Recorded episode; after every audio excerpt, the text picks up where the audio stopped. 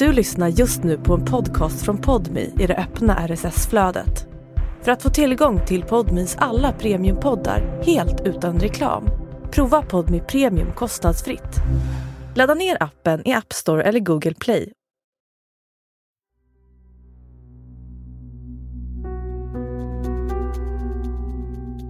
Det här är Utanför murarna, där jag och Josefin Freje träffar människor som suttit i fängelse för grova brott, men som nu är ute i samhället.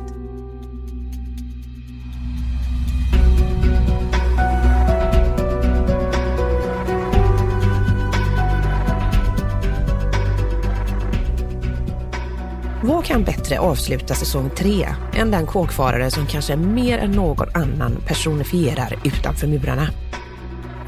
Pia har gjort resan innanför och utanför murarna hela 13 gånger.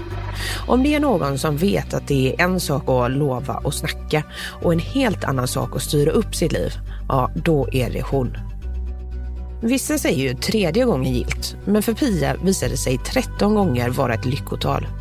Hur klarade hon, som alla, inklusive samhället, gett upp hoppet om, att vända sitt liv för att nu vara en hårt arbetande mamma, mormor och laglig samhällsmedborgare? Ja, det vill jag veta. Let's go to Hissing Island. Hur många gånger är det du har suttit inne? Eh, jag tror att det är 13 gånger sammanlagt eh, faktiskt den trettonde gången. Så man ska säga det går inte utan den trettonde gången går det. inte tredje gången gilt då? Nej, det är tredje gången gilt. Det är trettonde för mig. mm.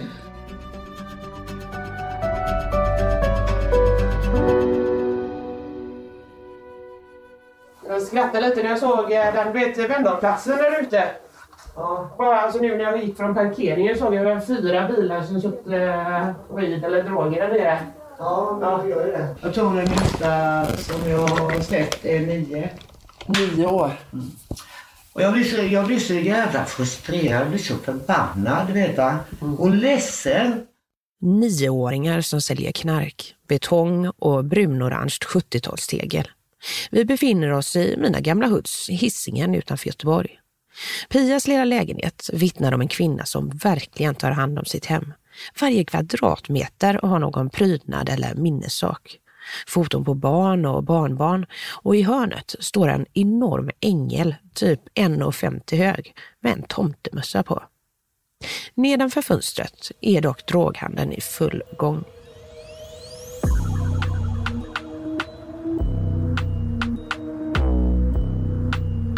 Brunnsbos eh, knarkrondell en återvändsgränd där fina bilar träffar unga killar för 30 sekunders handslagsmöten.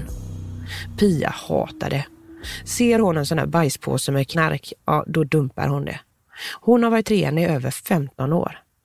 Men hur började allt? Hur lyckades hon med bedriften att åka i fängelse hela 13 gånger innan hon styrde upp sitt liv? Alltså min uppväxt eh, började ju i ett litet religiöst samhälle som heter Bottnaryd, där jag är född.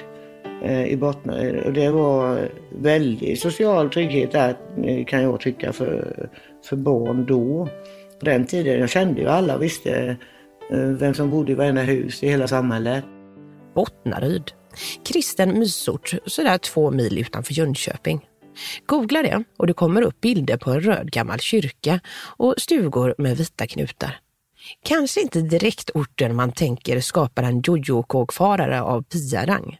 Mer Bullerbyn och Gulligull. Men som ofta händer, familjen revs upp ur idyllen och flyttade till ett så kallat socialt utsatt område. Kontrasten blev ju att vi sålde huset. För eh, pappa mådde inte speciellt bra. Han eh, Ja, det är en annan historia, det kan vi ta sen. Men, men han vantrivdes och de sålde huset och vi flyttade till Råslätt. Ett eh, nybyggt eh, jättestort eh, bostadsområde utanför Jönköping. Då. Är det lite som, känner inte jag till det området, men är det lite som eh, liksom Angered eller Biskop här? Ja, det kan man väl säga. Mm. Det var ju, eh, det var ju mycket blandat folk som bodde där. Eh, för mig blev det, jag gick ju vilse från skolan för då husen såg ju likadana ut tyckte jag första dagen. Mm. Så jag, jag hittade inte hem. Hur gammal var du då? 12.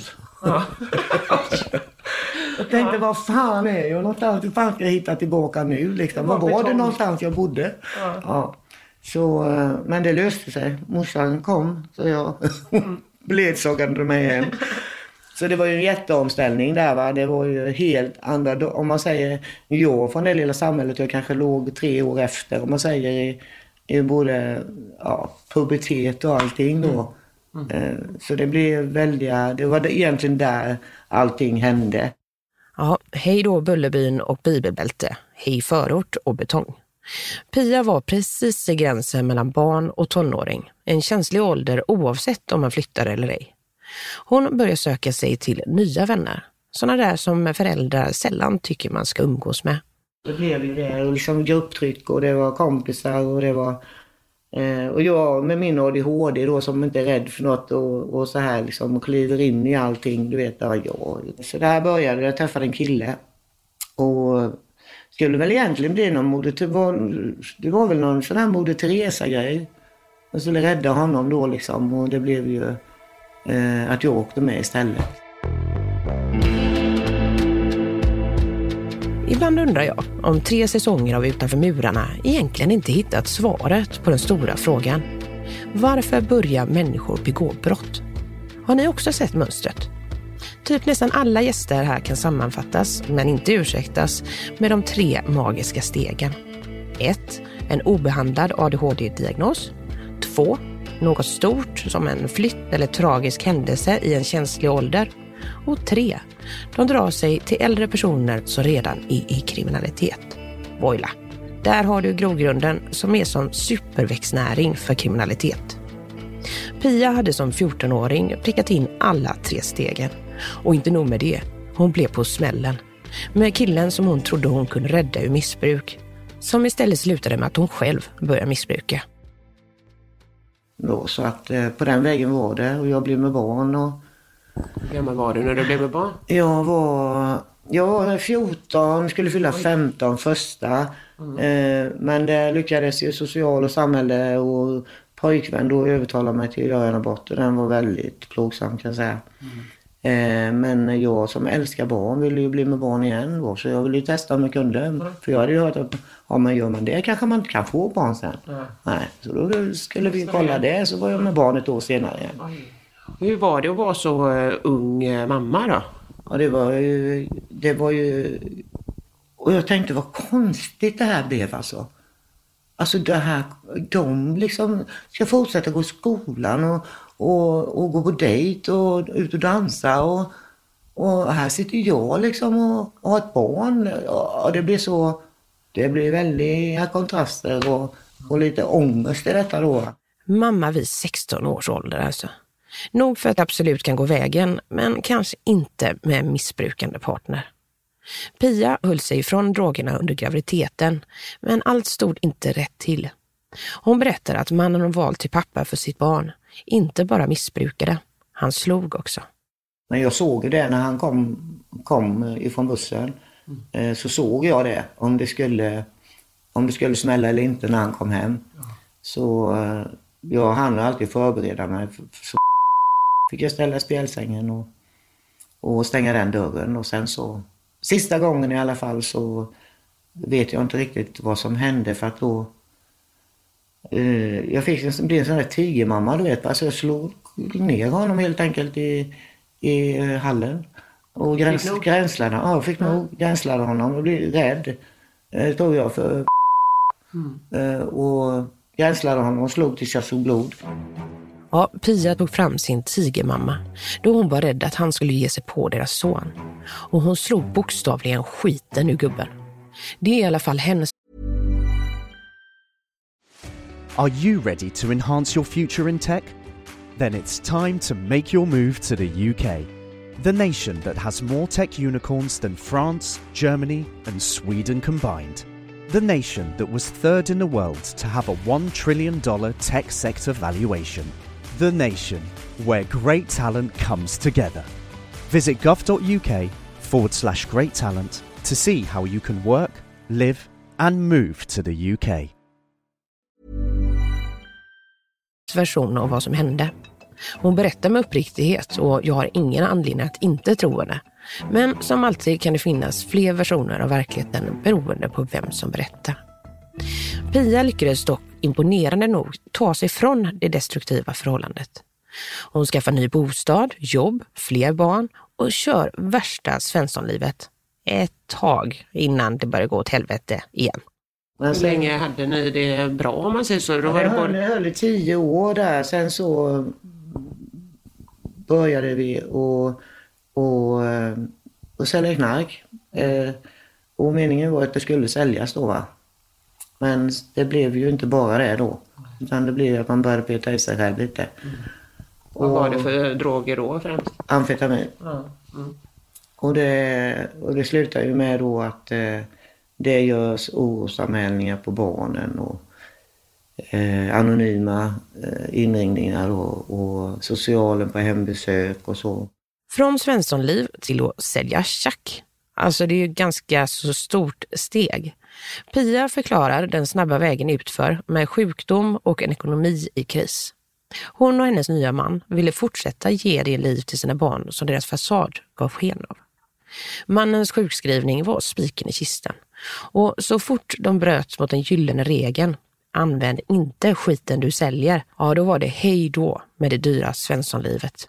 Så där kraschade vår ekonomi totalt. Då hade vi, en, eh, då hade vi den suterrängvåningen, vi hade bil, vi hade eh, vi hade barnen som hade olika intressen, ishockey bland annat, som kostade en jävla massa pengar. Och eh, banklån och, och så. så att, eh, eh och han eh, försökte på sitt håll då och då åkte han in och där stod jag med 47 000 i skulder då. Det var 89 tror jag som skulle ut en månad och det var mycket pengar. Mm. Då var det ju en väldig massa pengar. Eh, och låg efter med tre hyror. Pia och hennes mans dealerlösning för att dra in snabba cash gick som det ofta gör, åt skogen. Mm. Istället slutade det med en frånvarande pappa som åkte in och ut ur fängelset och en mamma, Pia, som gick längre och längre ner i amfetaminträsket. Det var kanske bara en tidsfråga innan SOS knackade på dörren. Pia förlorade sina barn. Hur känner du eh, liksom för det här att, just, alltså, att drogerna eh, blir viktigare för dig än dina barn? Ja, alltså någonstans är de ju aldrig det va, men det är ju ändå så, så blir, blir det ju så. Man kommer ju inte till skott och ska göra det man gör, gör. Det man ska göra det gör man ju sällan. Va? Och det är ju därför ekorrhjulet hela tiden snurrar på. Mm. Eh, det blir ju jättefel, allting. Eh, och det är ju en ångest som man får leva med resten av sitt liv. Jag ser i Pias ögon att hon skäms när hon pratar om det här. Amfetaminmissbruk är verkligen ett gift. Självklart har alla ett ansvar att inte börja med skiten. Men jag har med egna ögon sett hur den drogen förvandlar älskvärda människor till de mest själviska skitstövlar man kan tänka sig. Typen som sätter drogen framför sina barn, som kan råna sin egna mamma.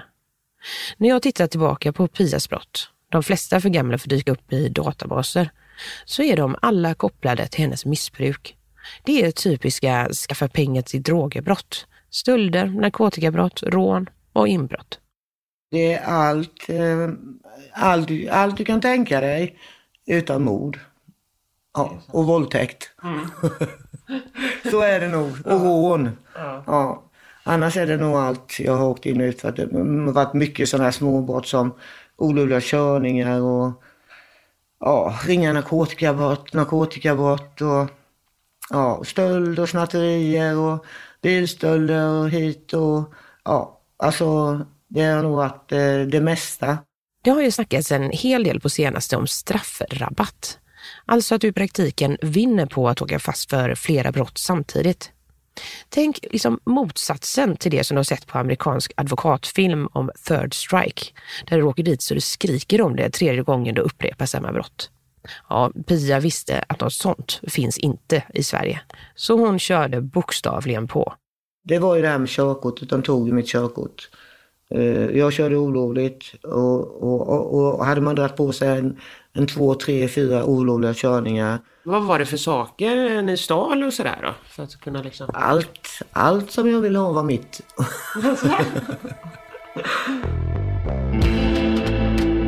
Och nu kommer vi till punkt fyra i min Josefs Josses lilla krimskola. Jag sa ju innan det där med tre punkter som verkar vara grogrund till att folk hamnar i kriminalitet. Punkt fyra är den där som fått de flesta gäster i den här podden att styra upp sig. Ett straff som känns. Eller i alla fall ge tillräckligt med tid för eftertanke. Sista gången Pia åkte fast var det för grovt narkotikabrott. Det handlade om två kilo vad det var. Jag, jag, eh, de tog mig och min dåvarande sambo eh, tre veckor efter att de hade tagit de här två kilona på någon annan. Mm. Eh, och Var det tjack då eller? Ja, det var säkert amfetamin. Men eh, liksom, eh, och vi var inte ens i närheten då. Förrän tre veckor efter så hade, eh, tog de in oss och, för att de ville höra oss i Kalmar. Och där blev jag kvar då. Eh, och fick eh, fem år för det. 12 gånger hade hon redan suttit för brott kopplade till missbruk. Vi snackar tio års fängelse totalt under en 20-årsperiod. Men nu var det allvar. Grovt narkotikabrott är inte att leka med. Pia dömdes till sitt längsta straff hittills. Fem år för två kilo amfetamin. Det är svårt även för den värsta tjackisen att hävda att två kilo är för eget bruk. Till skillnad från alla andra vändor på kåken var nu tiden mot henne. Eller för henne. Det var dags att tända av. På riktigt. Och det är nu hon får höra om det där tolvstegsprogrammet igen. Det där som hon och andra missbrukarpolare bara fnyst åt tidigare. Och det gav ju mig fruktansvärt mycket faktiskt. Eh, måste jag säga. Jag, jag trodde inte... Först låg jag tre veckor och rullade i en säng där och svettades och visste inte. Jag tänkte jag måste ta mig härifrån. Jag fattar inte vad de säger. Vad de pratar de om. Acceptans och ödmjukhet. Vad fan är det? Tänkte jag. Usch. Nej, jag måste ta mig härifrån. Jag förstår dem inte. Jag fattar inte vad de menar. Liksom läser små böcker om Gud. Gud och Gud. Är den religiöst också? Tänkte jag. Nej, nej, nej, jag vill inte. Tänkte jag, men någonstans fick jag ju vända på det här då. Så vände på det så det blev dug. Dug! Då gick det mycket lättare. Dug istället för Gud. Ja. Bra. Och, då, eh, och på den vägen var det tills jag fattade att den här högre makten som var, de kallade Gud då liksom, det kunde man ju eh, välja det man trodde på då va. Och någonstans har jag alltid varit en kärleksfull människa. Jag tror på kärleken. Och har man kärlek till allt och alla, då löser sig allting. Allting löser sig. Det är bara det vi behöver ha mer av. Liksom. Inte hat och illvilja och missunnsamhet och sånt. Va? Det är ju bara sån skit ute i, i, i samhället idag, tycker jag.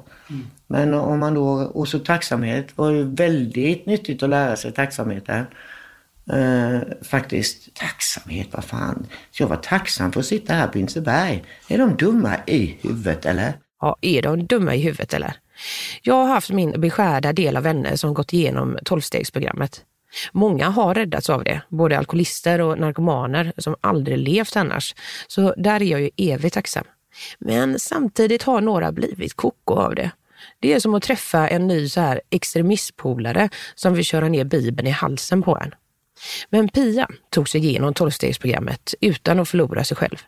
Istället skaffade hon vad som kan ses som en ganska så otippad hobby bakom murarna.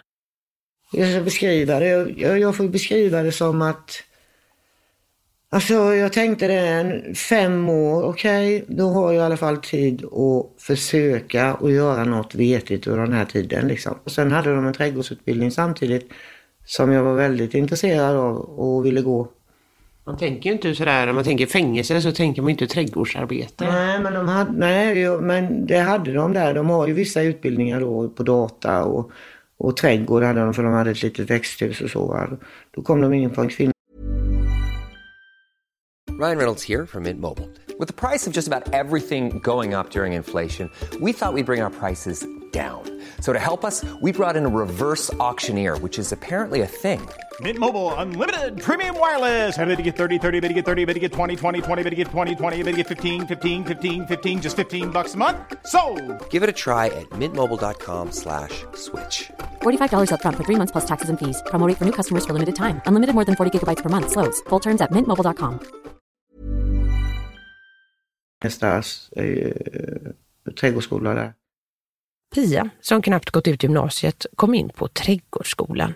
Och lite otippat så älskade hon det. Sitta i skolbänken, ta hand om växter, lära sig med ogräs. Och nu, gott folk, kommer vi till steg fem.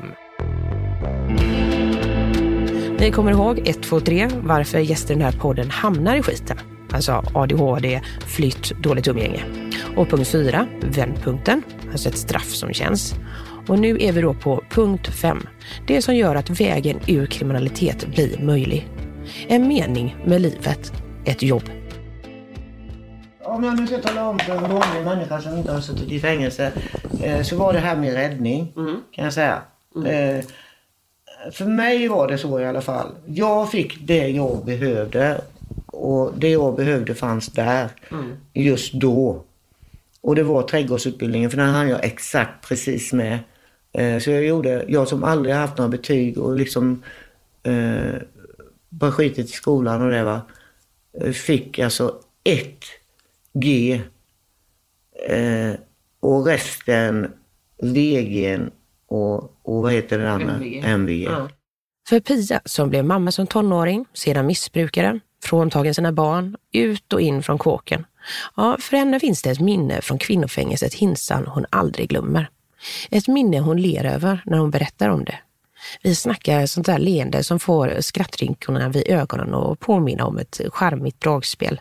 Det, alltså, det är också en historia som jag aldrig kommer glömma. Alltså, när jag kom från skolan en dag så hängde det massa mjukisdjur och snören på min dörr. Jag tänkte, vem fan har hänt här? Nu har de varit inne i min cell och rivit igen, tänkte jag. Vet. Vad är detta? Man varför, varför, varför är det så här? Liksom, så kom de bara rusade ut från sina rum så och skrek du vet, och sjöng att jag har tagit studenten och så här. Du vet, va? Då hade de gjort, de hade tagit en jobbarkeps, en vanlig keps som jag hade i utelagret. Klätt den med vitt, eh, klippt, klippt sönder ett, ett, pås- ett örngott. Klätt den och, och så sytt med stora blåa stygn under kepsen så den blir vit. Sen har de tagit en halsduk och klippt av en rand så. Så de hade det svarta bandet uppe på skärmen. Och så har de skrivit 2010 på. Jag har den på vinden fortfarande. Ja. De har gjort verkligen studentmössa jag till fick dig. studenten, du. Jag fick studenten, alltså jag fick studentmössa och firan. Och, och de här mjukisdjuren, de har de ju runt halsen. Det visste inte jag. Nej. Nej, jag visste inte ens det. Efter 20 års kriminalitet, varav 10 bakom lås och bom, får Pia sin efterlängtade studentexamen. Med nallar och allt. Det låter ju nästan trevligt att sitta på hinsen. Tid att reflektera, skaffa utbildning och kultivera sina gröna fingrar. Nu var det dock dags för verkligheten för Pia. Som 12 gånger innan totalt misslyckas med sitt liv utanför murarna. Missbruket hade alltid vunnit. Men nu var hon laddad, hade examen, ADHD-medicin, 12-stegsprogram, check. Men alltså hallå, kunde hon inte komma på det här lite tidigare? Det är det livet jag kan liksom. Och så är, är det ju, det är ju rädslor som styr sen. För man är ju rädd för att man inte ska passa in längre. Men kan- jag kanske inte ens är eh, allmänbildad. Alltså jag kanske inte kan föra ett samtal med en vanlig person. Jag kanske inte hänger med där liksom. Eh, hur ska jag kunna få ett arbete när de vet min bakgrund? Det är ingen som vill ha mig. Liksom så här va. Förutom rädslan för att vara en loser, en kåkvarare och samhällspest till missbrukare, så var det att hon saknade tro på sig själv. Ja, det var det som gjorde att Pia aldrig vågade ta steget förrän den trettonde gången hon muckade. Om samhället på allvar vill att kriminalvården ska leva upp till sitt namn, vård, så behövs också insatser på utsidan efter muck, för att den som varit kriminell inte ska falla dit igen. För det gjorde ju Pia massor av gånger. Men Vad var det som gjorde liksom, varför föll du dit eh, igen? Ja, det är ju så här när man går, när man muckar så står man där utanför staketet eller grinden med en jävla plastkasse. Och, och så har man jobbat på kanske i sex veckor att man ska få ett rum. Men eh, dagen innan man ringer och säger vad är det nu ni har, ni har skaffat rummen någonstans eller var ska jag bo, sova i natt? Liksom. Nej, tyvärr vi lyckades inte med det då. Vad har du själv för, för ansvar att, att skaffa boende och eh, liksom? Ja, man har man kronofogdeskulder liksom och hyresvärdarna säger att eh, Pia Rydberg kan man inte hyra ut någon lägenhet till för hon tar inte bara med sig eh, lägenheten, hon tar med sig källaren och vinden också. Mm. Då får man ingen lägenhet. Mm. Nej. De flesta som har varit med i den här podden har gjort egna val som resulterat i den skit som de senast straffats för. Men det handlar också om alla de som kämpat i motvind för att styra upp sina liv. För att bli en del av samhället igen, mot alla odds. För Pia blev räddningen människor som vågade ge henne en andra chans. Modiga arbetsgivare, vänner. Men viktigast av allt var familjen som trodde på henne. Samtidigt som de ställde krav. Det var ju de som fick mig i, i, tillbaka på rätt köl. Det var ju barnen liksom och barnbarnen. Det var ju det man tänkte på. Mm. Och så var det ju min tös då, hon sa ju det. Men mamma, ska jag behöva säga, ska jag behöva säga till din dotterdotter att, att, hon, att du sitter, din mormor sitter i fängelse liksom? Är det det jag ska säga eller? Du måste ju lägga av med det här liksom. Mm. Nej, mormor kåkfarare har Pia stängt dörren till. Mot alla odds lever hon nu ett hedligt liv utan droger, med sin lilla fina lägenhet och med jobb. Vi snackar över 15 imponerande år utanför murarna utan återfall. Faktiskt lite av en solskenshistoria mitt i all misär. Och eh, du har ju haft lite av en eh, resa in och ut eh, utanför murarna om man säger så. Hur många gånger är det du har suttit inne? Jag tror att det är 13 gånger sammanlagt faktiskt den trettonde gången. Så man ska säga det går inte utan den trettonde gången går det. inte tredje gången gilt Nej, inte tredje gången gilt. Det är trettonde för mig. mm. Pia, fri och utanför murarna. Lösningen var jobb och lägenhet. Men som alla vet som suttit så är det inte det lättaste att fixa. Pia fick lite hjälp på traven genom kontakter. För det löste sig så var jag fick det här genom barnens pappa. Eh, det här jobbet, han rekommenderade mig. För han hade själv jobbat, fått jobb i Poseidon eh, när han kom ut. Mm. Och, kan du din signal? Så han sa det att eh, jag kan prata med min chef om du vill. Mm. Jag tänkte Göteborg igen, tänkte jag. Du vet, men det är, klart... det är bara lite dåliga minnen därifrån. Eller? Ja, men alltså kände ju ganska mycket folk här och så då. Va? Men tyvärr är ju nästan alla döda. Mm. Ja. Det är ju så i den världen. Det är ju så. Och det... Och vadå, jag, har, jag är så, så pass stark var jag så jag kunde liksom ge fan i att gå, gå, gå åt de hållen när de var mm. liksom. Och jag hade ju talsteg, jag gick ju på möten och så va. Ja, Göteborg, mitt kära Göteborg. Kallat tjackisstaden medan Stockholm är mer känt för sitt heroin. Göteborg är tyvärr också känt för sin bedrövliga missbruksvård. Jag har ändå jobbat på hemlösas tidskrift Faktum, men vi är också kända här för goa gubbar.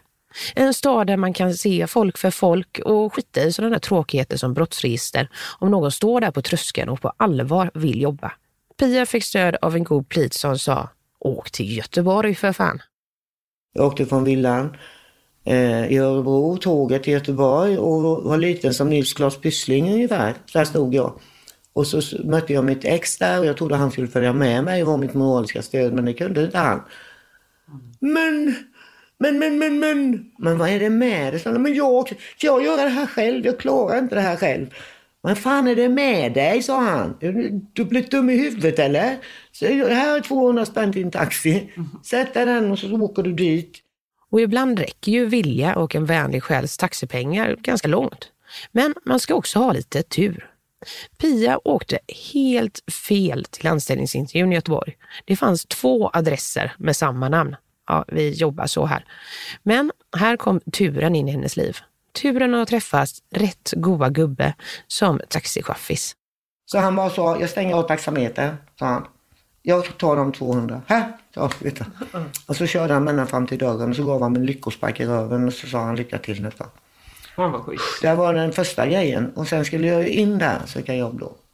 Eh, och jag tänkte herregud, hur ska jag, det kan inte gå sämre än, än det, staten liksom. Så in där då. Väl på plats på sin livs första anställningsintervju stod Pia bildligt talat med sin studentmössa från kåken i hand.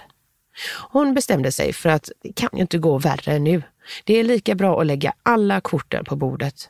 Sanningen kommer ändå komma fram förr eller senare.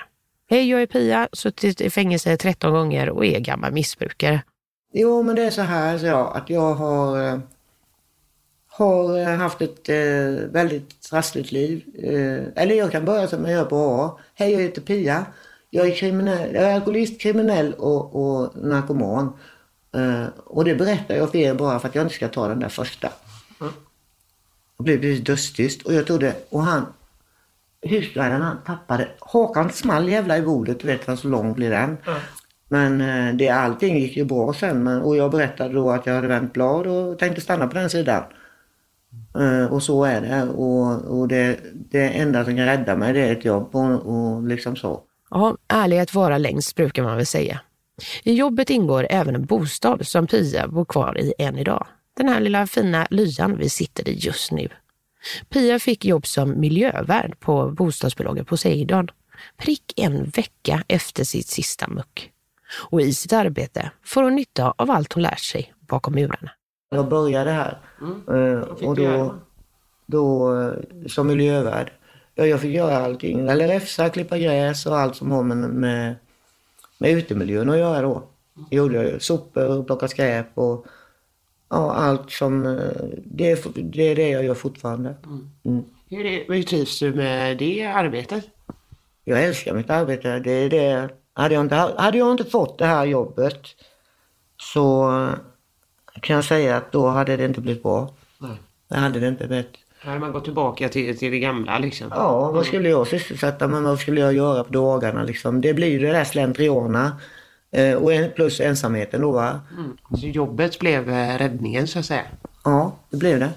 Det, blev, det, det, det är helt och hållet jobbet. Så jag, jag är så tacksam till Poseidon för de, de har räddat livet på mig liksom kan man säga. Va? Och gett mig en chans. För vem skulle, vem skulle anställa en 52-åring eh, Eh, gammal narkoman fängelsegrund. Det kan man ju liksom undra. Men då gav man en chans. Ja, allt gick perfekt. Drogfri, jobb, lägenhet, solsken, fågelkvitter. Men som i alla avsnitt av Utanför murarna vet ni nog vid det här laget att det inte är en rak linje till lyckan. Ett år in i idyllen hände något som gjorde att Pia var redo att dra fram det där starkt kemiska, äckliga fulpulvret igen. Hennes provanställning skulle gå ut och med det skulle hon också förlora sitt hem. Meningen var att jag skulle få sluta liksom för att, eh, och jag skulle bli av med lägenheten också efter ett år. Eh, och den dagen eh, kraschade jag eh, faktiskt eh, när de sa det. För jag, jag, nu känns det som när jag kört in en vattenslang i örat på mig. Jag hör inte vad ni säger. Det låter wow, wow, wow, wow, wow. i örat. Menar ni att jag inte... Jag har ingenstans att bo nu då. Inget jobb, ingenstans Inget att bo. jobb. Nej. Och jag blev så rädd. Jag blev så jävla rädd. För då visste jag ju att det här kommer ju aldrig funka liksom. Hur fan ska jag lösa detta? Vad var det du var eh, rädd för? Nej men hela min, min existens står ju på spel. Det var som att åka kana ner i en lerig grop på, på 15 meter ner och så försöka kravla sig upp och inte komma upp. Så kändes det. Men då kom en ängel, som hon ser det. En samordnare från frivården, en vän, chef och eldsjäl som löste både jobbet och lägenheten. Någon som trodde på henne mot alla odds. Vad vill du säga till folk som tänker att men fan det är kört liksom. Jag åker ut och in i fängelset hela tiden och det här kommer inte gå liksom. Eller varför ska jag ens försöka ha det här tråkiga svenssonlivet? Vad, vad vill du säga till dem? Alltså ta, ta, gör, ta ett samarbete med Arbetsförmedlingen. De kommer in på alla anstalter. Eh, och gör det eh, grundligt och, och, och sök arbete eh, på det ni har. För det, det, så är det. Det är så liksom att det, det är deras sak att hjälpa till. Det händer ju faktiskt att det finns någon som jobbar för en eh, och gör det som ni ska göra. Alltså uppsök, gå till frivården, gå till Arbetsförmedlingen, sök arbeten. Eh, se till att jobba på lägenheter sex månader innan ni går ut eller något. Börja tidigt. Eh, för det måste man göra och jobba sönder dem. För att det är det man måste göra. En gång i veckan, eh, hela tiden och ge inte upp liksom. Jobb är A och O. Utan jobb, har man för mycket fritid så går det inte. Jag jobbade mig trött. Jag orkade inget annat än att liksom eh, gå hem och ta hand om min lilla lägenhet som jag var så lycklig över. Jobba tills du störtar så har du ingen tid att begå brott eller knarka. Kanske sista tipset från Pia hur även den som totalt fuckat upp kan lyckas utanför murarna. Men det finns en sak kvar. Att lappa ihop de sår som du har utsatt dina nära och kära för. Hur är din relation idag till dina barn? Den är jättebra. Alltså, ja, när jag satt, eh, när jag satt nu sista gången eh, så bestämde jag det att när jag kommer ut då ska jag umgås med dem jämt och ständigt. Så blev det inte riktigt heller för att jag, jag bor i Göteborg och jag hade en skuldsanering som jag eh, gjorde de fem första åren där. Eh, och eh, alltså pengarna räcker inte till att åka runt på. De gjorde inte det, jag hade existensminimum. Så att det blir så fort, naturligtvis så, så, så mycket man kunde liksom. De här grejerna blir jag ju lycklig över att berätta och att mamma hon, hon, hon är ju så lycklig idag va. Mm. Ja, och, och jag har fått, min mellandotter var svårast att få tillbaka till, tilltron till men eller tilliten. Hon, hon, hon väntade många år innan. Mm. Hon släppte den garden. Mm. Men nu har det släppt och nu känns det skönt faktiskt. Eh, vi kan prata om allt med barnen och mamma med liksom. Underbar. Det är synd att, och min bror har ju spelat en jättestor roll i detta. Det finns dock en person Pia aldrig fick be om ursäkt till eller enas med. Hennes pappa. Kommer ni ihåg den där eh, jättestora ängen som jag nämnde? Som står här i rummet där vi ses. Den har stått där och stirrat på oss med sin eh, tomteluva under hela intervjun. Jag måste bara fråga, alltså varför har hon en 1,50 hög ängel i den här lilla lägenheten? Jo, det har med Pias pappa att göra. Han hann ju inte se det. Och det var ju det jag ville visa honom, att det här kommer, kommer gå nu sista gången. Och jag sa alltid det, bara jag vänder på det här så ska du flytta hem till mig och bo hos mig. Och, och, och så, och slippa vara ensam och så här va. Det var sorgligt. Det var väldigt sorgligt att han inte hann. För han sa alltid det. Ach, Pia ska inte strunta i det där knirket snart, sa han. Han kallade det för knirket. Mm. Jo, jag ska göra. Nu ska du se att jag vänder på, vänder på steken liksom. För, nu, för jag ville ju verkligen det. Va? Jag ville ju det. Men, men då i alla fall fick jag 25 000 kronor och då köpte jag den ängeln. Den kostade sju. Ja. Jag fick se den i ett skyltfönster jag bor. Mm. Den ska jag ha. Mm. Så det är min pappa. En skyddsängel som står där. Ja. Och pappa, pappa Anden kanske fått se ja, det också? absolut. Ja. Så är det ju. Mm. Han är ju han är med oss någonstans.